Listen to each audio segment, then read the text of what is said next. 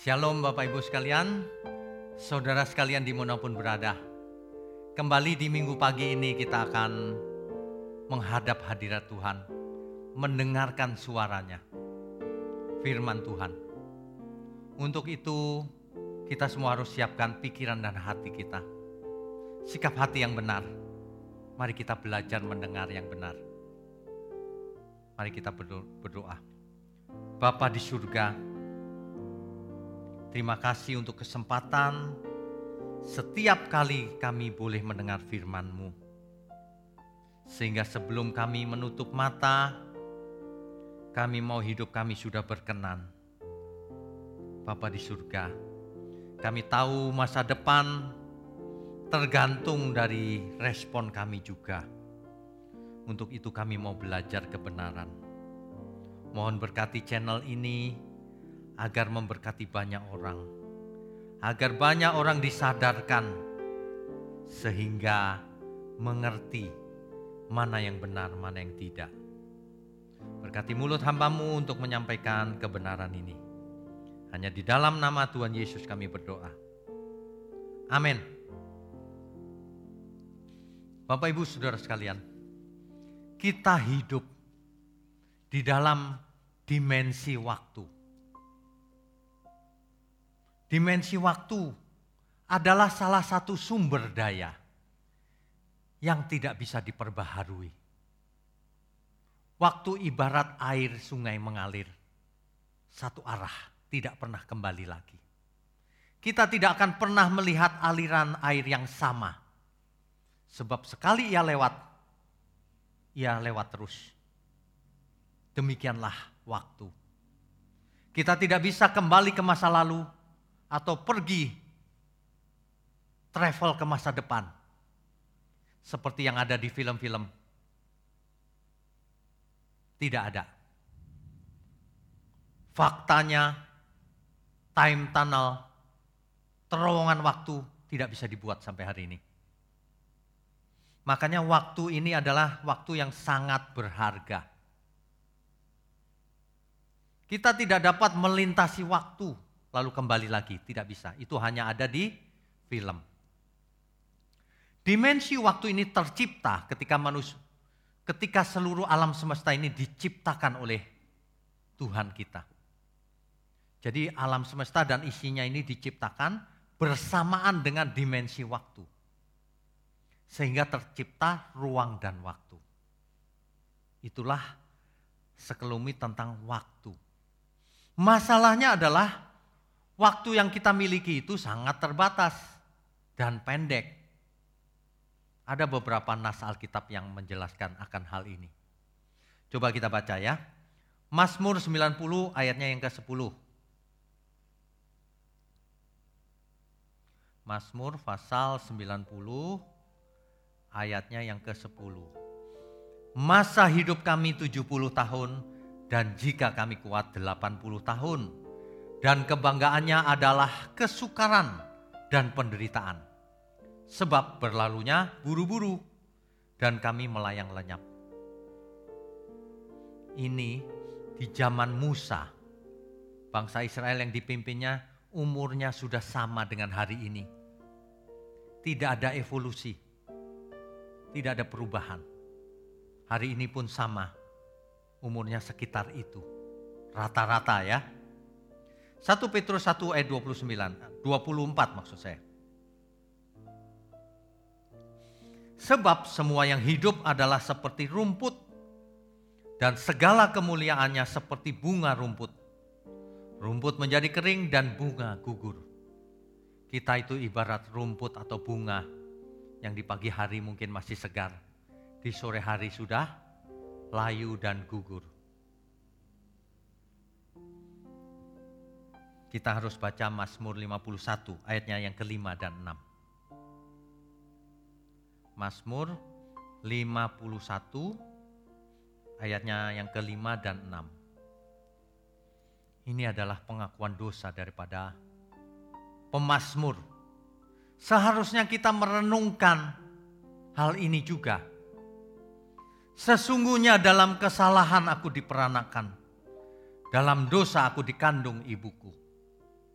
Sesungguhnya engkau berkenan akan kebenaran dalam batin. Dan dengan diam-diam engkau memberitahukan hikmat kepadaku. Hanya hikmat Tuhan yang bisa menyelamatkan kita. Tapi yang menghibur kita adalah Mazmur 103 ayatnya yang ke-11. Tetapi setinggi langit di atas bumi, demikian besarnya kasih setianya atas orang-orang yang takut akan dia. Itulah kasih setia Tuhan. Tapi hanya berlaku atas orang-orang yang takut akan dia.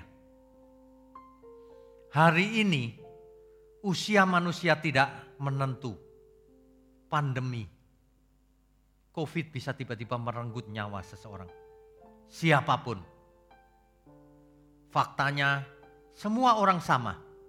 Besar, kecil, tua, muda. Orang awam, jemaat, hamba Tuhan. Semua sama. Hari ini pola hidup manusia sudah tidak sehat lagi. Kuliner yang dijajakan juga mengandung barang-barang yang bahan-bahan yang ber, berbahaya, pewarna, pengawet, pengembang, dan hal-hal lain zat kimia, perasa, flavor, dan sebagainya. Manusia semakin terancam. Ada banyak bahaya di sekeliling kita. Ini hendaknya membuat kita berpikir keras bahwa masa depan kita masih belum ditentukan. Semua tergantung dari respon kita. Memang Roh Kudus sudah tinggal dalam diri kita, tapi respon kita menentukan apakah kita mau dipimpin Roh Kudus atau tidak. Respon manusia yang akan menentukan masa depannya. Makanya tidak berlebihan kalau dikatakan kitalah yang merenda masa depan kita sendiri. Tentu saja dengan pertolongan Tuhan. Pengkhotbah 3 ayat 1 sampai 2. Pengkhotbah 3 ayat 1 sampai 2. Saya bacakan ya. Untuk segala sesuatu ada masanya untuk apa pun di bawah langit ada waktunya.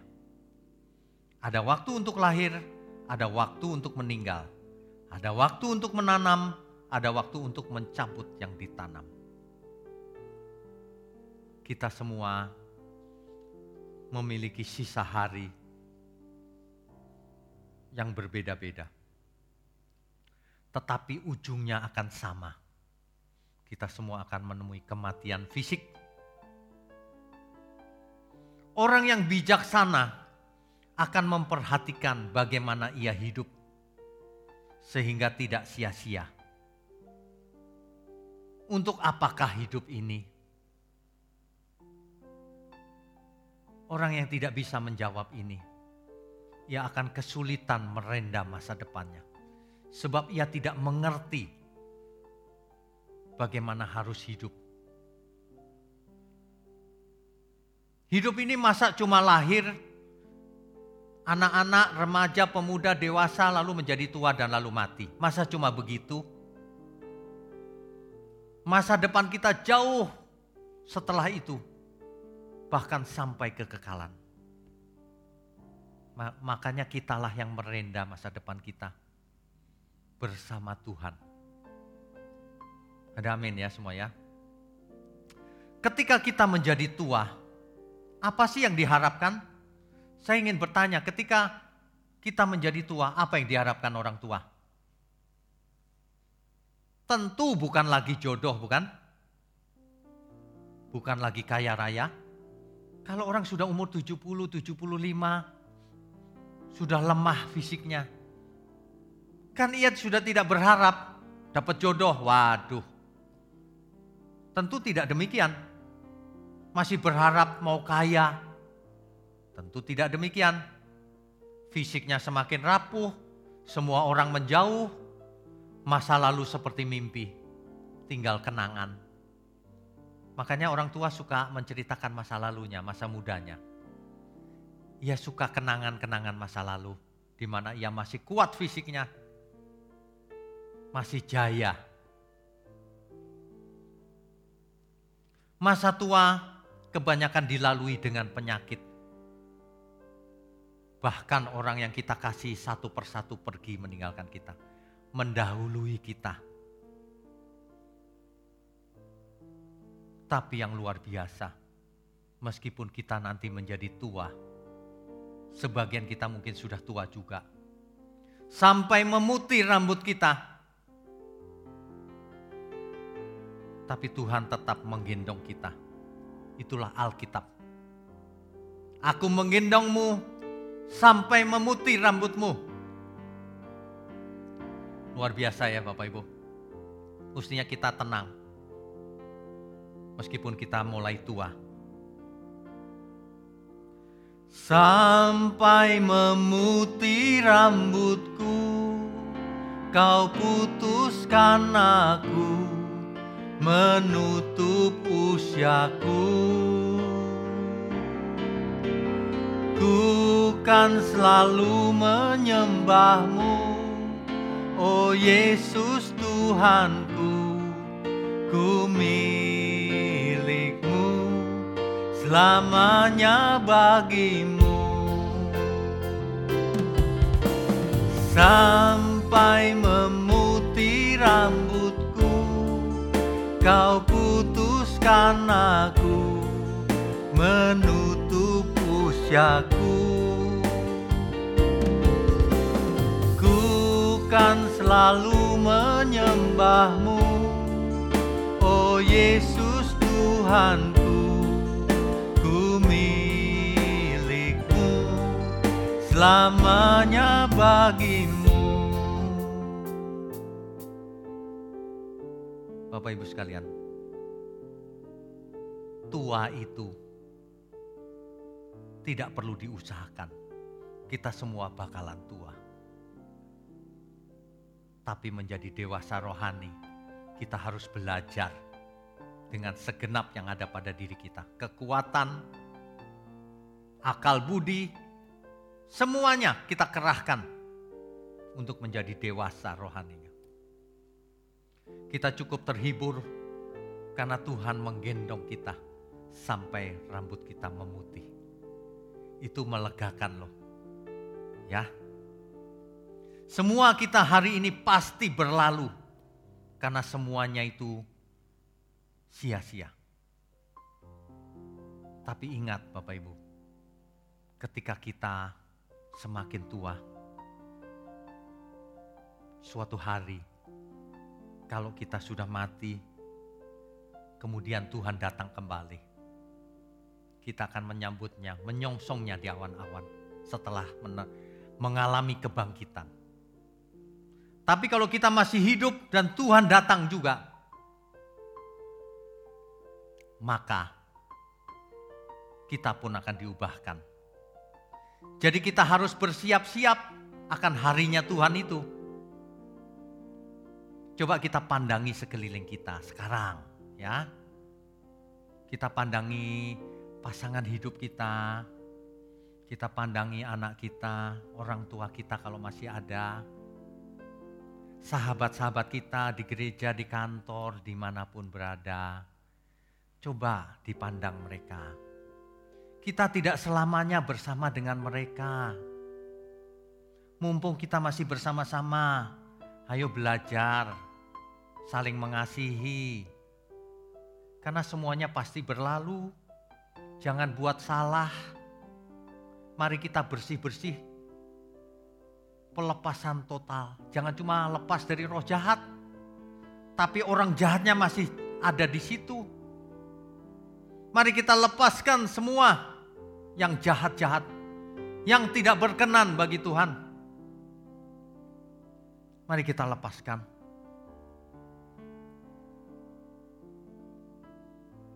Sebab kalau Tuhan datang dan Tuhan datangnya bisa setiap saat. Kita pun bisa pulang setiap saat. Sudah siapkan kita pulang? Sudah siapkah kita pulang? Harusnya sudah, harusnya. Tapi banyak dari kita juga belum. Mari kita siap-siap pulang. Ya, mari kita siap-siap pulang.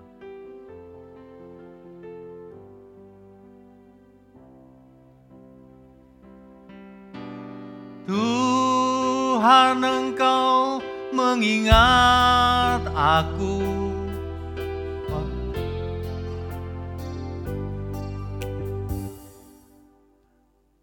Itu. Ya, dikat aja. Mestinya dari depan itu yang tadi apa ya? Bukan. Saat ku pulang gitu ya. Mestinya itu. Ya, oke. Okay. Uh,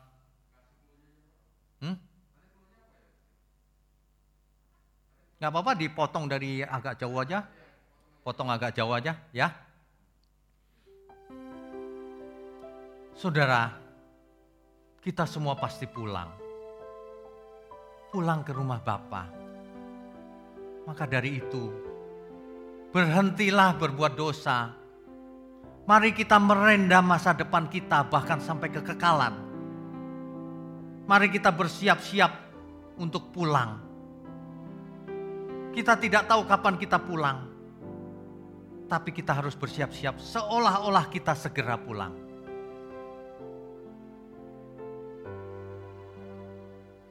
Saat ku pulang menghadap Bapa, hanya Engkau yang ku miliki. Kerinduan hatiku, kehausan jiwaku, dapat ku memandang wajahmu. Saat ku pulang menghadap Bapa, hanya Engkau yang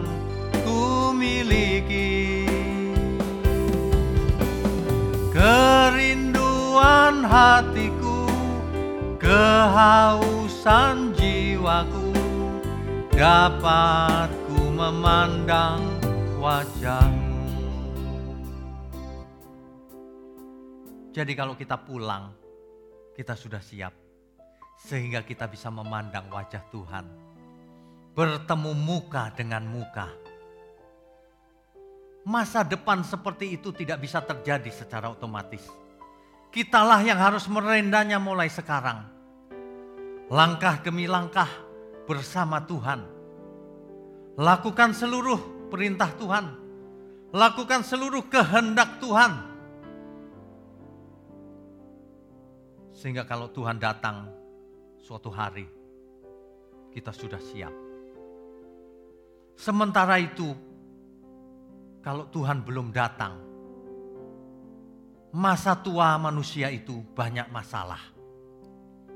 Memang demikian, maka kita harus berhikmat menghadapi semuanya itu. Masalah orang tua itu apa sih? Satu, kesehatannya mulai turun. Pasti. Kedua, keuangannya juga mulai turun. Ya dong, Pasti. Itulah sebabnya seorang anak harus berbakti pada orang tuanya. Siapa lagi yang harus memperhatikan orang tuanya kalau bukan anaknya? Itu sebabnya gereja harus memperhatikan jemaatnya yang sudah usianya cukup. Yang mengalami kesulitan ekonomi. Yang ketiga, orang tua itu masalahnya kesepian. Biasanya anak sudah dewasa, sudah jarang bertemu orang tuanya sudah berumah tangga, hidup sendiri, jarang telepon lagi sama orang tuanya. Saudara sekalian semua yang masih muda bertobat, sering-sering telepon ke orang tuanya. Perhatikan orang tua kita. Dulu kita waktu masih baby, bayi, orang tua kita semalaman kadang-kadang gak tidur kalau kita lagi sakit Kita sering bangun di di masa-masa awal kita. Orang tua kita lah yang menyeduh susu untuk kita. Coba ingat semuanya itu, saudara. Orang tua kita kesehatannya menurun, keuangannya menurun, kesepian, butuh perhatian. Mari kita perhatikan. Jangan hanya orang tua sendiri, orang tua siapa pun yang sudah mengalami kesepian, perhatikan. Kalau kita punya waktu, perhatikan. Kirim berkat. Ada amin ya semua ya. Ingat roh Allah tinggal dalam diri kita. Apa respon kita terhadap hal itu? Bagaimana cara kita merendah hari esok, masa depan? Merendah kekekalan. Tidak ada cara lain selain hidup berkenan baginya. Tidak ada cara lain kalau penyertaan Tuhan tidak usah diragukan. Yesaya 46 ayat 4, Aku menggendong kamu sampai memutih rambutmu. Ada amin ya semua ya. Banyak manusia itu banyak keinginan pada umumnya. Sehingga mereka itu sebenarnya hidup dalam kemabukan. Mabok akan dunia ini.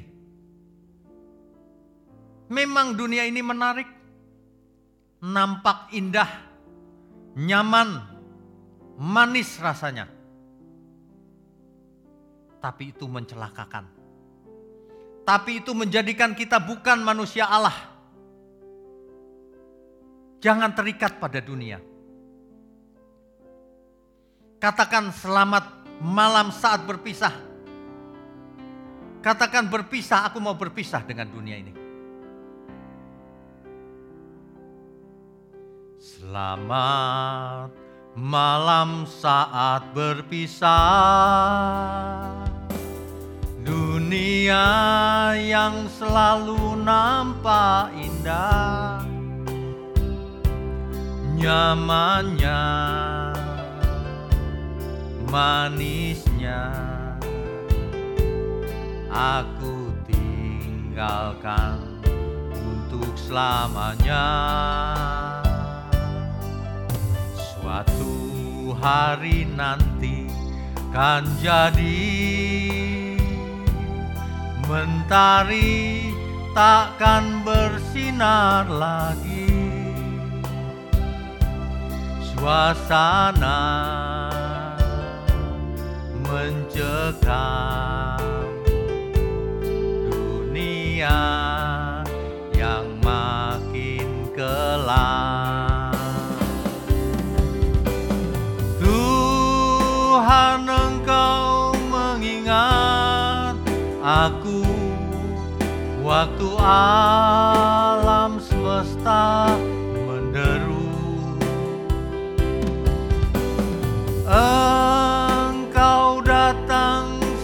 sebagai raja menjemput orang saleh semua. Harimu yang mulia ku harap segera tiba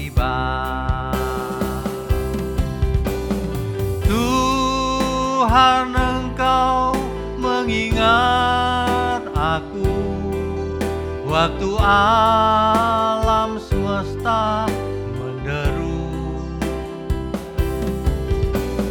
Engkau datang sebagai raja Menjemput orang saleh semua. Hari yang mulia harap segera tiba Harimu yang mulia Ku harap segera tiba. Bapak Ibu sekalian, sebenarnya firman Tuhan itu jelas. Apalagi kalau Bapak Ibu mengikuti khotbah-khotbah kita. Sebenarnya gambar besar masa depan itu sudah jelas. Rencana Tuhan begitu jelas. Mari kita merenda masa depan kita bersama Tuhan. Itulah sebabnya Roh Kudus diberikan kepada kita semua. Agar kita tidak terikat dengan dunia ini, agar kita bercerai dengan dunia ini. Sehingga masa depan kita adalah masa depan yang penuh harapan. Di langit yang baru dan bumi yang baru. Ada amin ya Bapak Ibu ya. Jangan sampai ya menyesal kemudian itu tidak ada bergunanya. Tuhan sendiri yang memberikan ilustrasi. Ada seorang kaya dan Lazarus. Keduanya mati. Lazarus ke pangkuan Abraham. Nyaman maksudnya. Roh Lazarus pergi ke dunia roh yang namanya Firdaus. Ia nyaman di sana.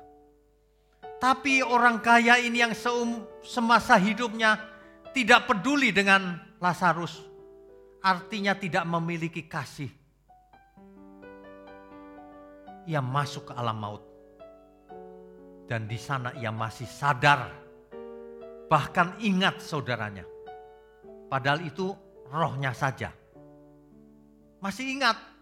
Ia sengsara di sana ia mau memberitahu saudaranya yang masih hidup supaya tidak hidup seperti dia sehingga mengalami hal yang sama berakhir di alam maut.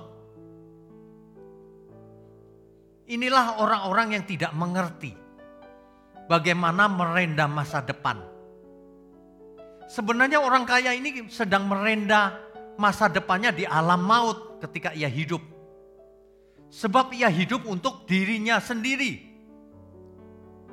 Alkitab memperingatkan, itulah orang kaya yang bodoh, yang hidup untuk dirinya sendiri, yang egois, tidak peduli terhadap sesamanya.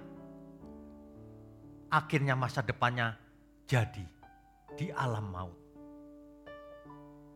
Hari ini, kalau kita mengaku percaya dan mengasihi Tuhan, marilah kita renda masa depan kita bersama Tuhan.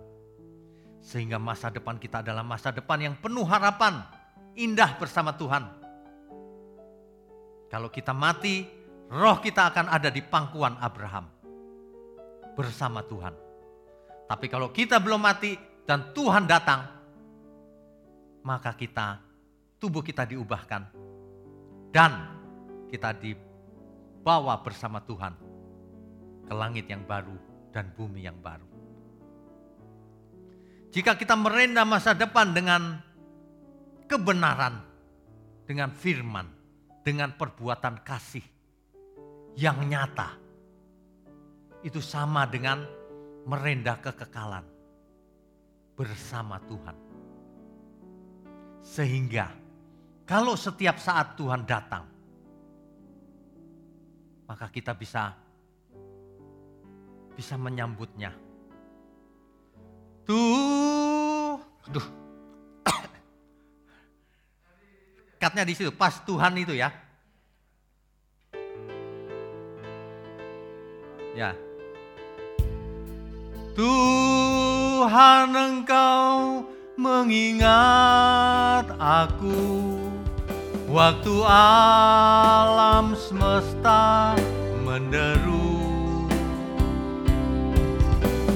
Engkau datang sebagai raja menjemput orang saleh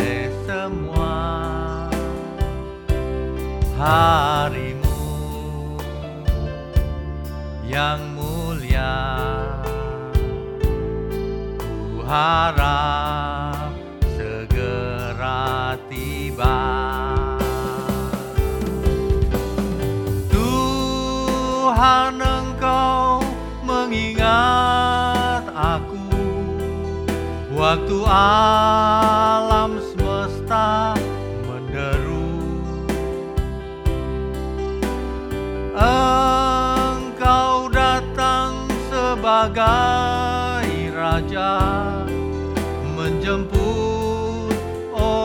saleh semua. Harimu yang harap segera tiba. Harimu yang mulia ku harap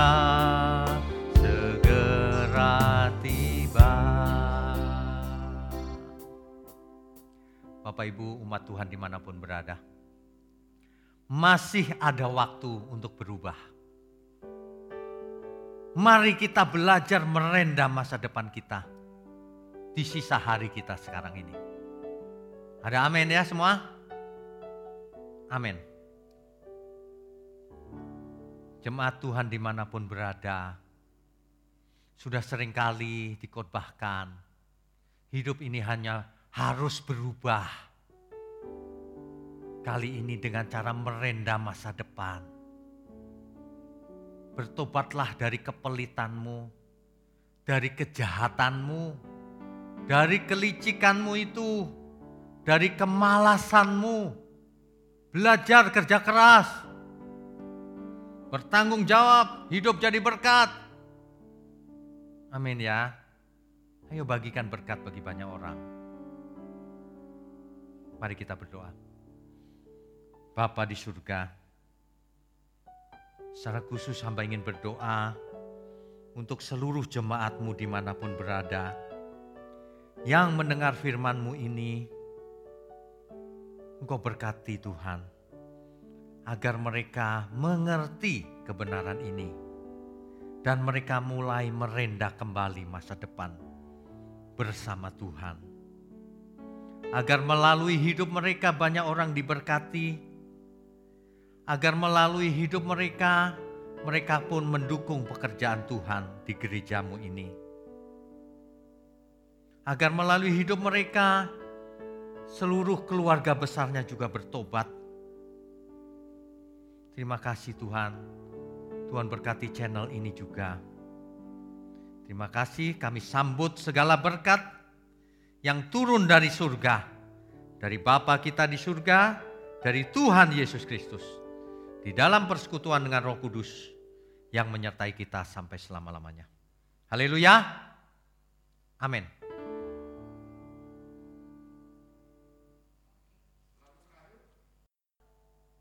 Saudara sekalian,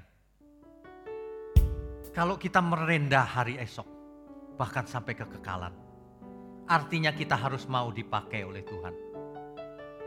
Seharusnya kalau kita semua mengerti hari ini, hidup kita harus dipakai Tuhan. Dalam segala bidang, maka kita akan mengatakan,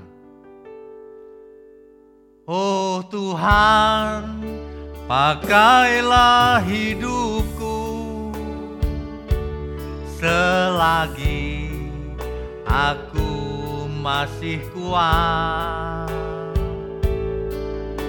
Bila saatnya nanti Ku tak berdaya lagi hidup ini sudah jadi berkat. Katakan saudara. Oh Tuhan, pakailah hidupku selagi aku masih kuat. Bila saatnya nanti Ku tak berdaya lagi hidup ini sudah jadi berkah.